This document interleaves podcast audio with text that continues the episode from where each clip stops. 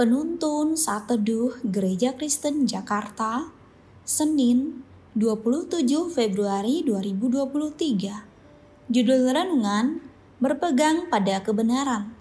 Nats Alkitab terambil di dalam kitab 2 Timotius pasal 3 ayat 14. Tetapi hendaklah engkau tetap berpegang pada kebenaran yang telah engkau terima dan engkau yakini, dengan selalu mengingat orang yang telah mengajarkannya kepadamu. Ikan salmon dikenal sebagai ikan yang suka berenang melawan arus. Bahkan pada musim tertentu, ia akan terus berenang melawan arus sampai ke hulu sungai karena di sanalah tempatnya untuk menyimpan telur sampai menetas. Meskipun harus bergelut dengan derasnya arus, ia terus bertahan sampai tiba di tujuan.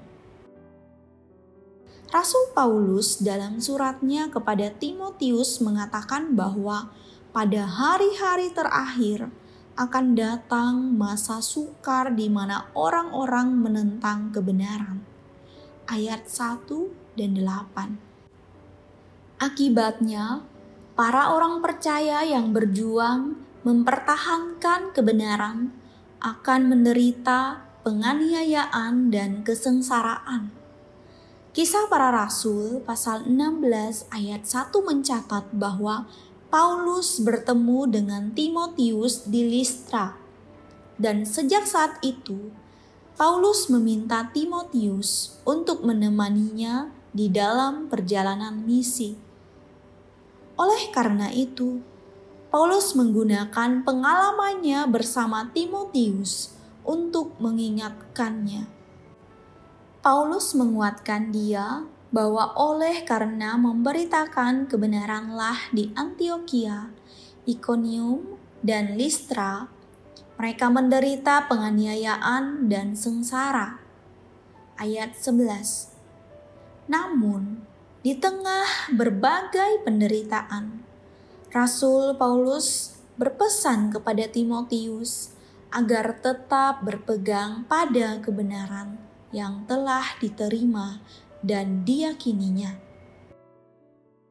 Kehidupan orang percaya di dalam dunia ini tidak terlepas dari berbagai tantangan. Pada saat kita ingin hidup berbeda dari dunia ini, kita dihadapkan pada banyak sekali tantangan di tempat kerja, di sekolah, bahkan di rumah tangga kita sendiri. Melalui renungan hari ini, kita diingatkan bahwa panggilan kita sebagai orang percaya adalah tetap taat berpegang kepada kebenaran yang telah diajarkan melalui teladan Tuhan Yesus. Sesulit apa pun situasi yang kita alami sebagai orang percaya, tetaplah berpegang kepada kebenaran. Amin. Terima kasih, Tuhan Yesus memberkati.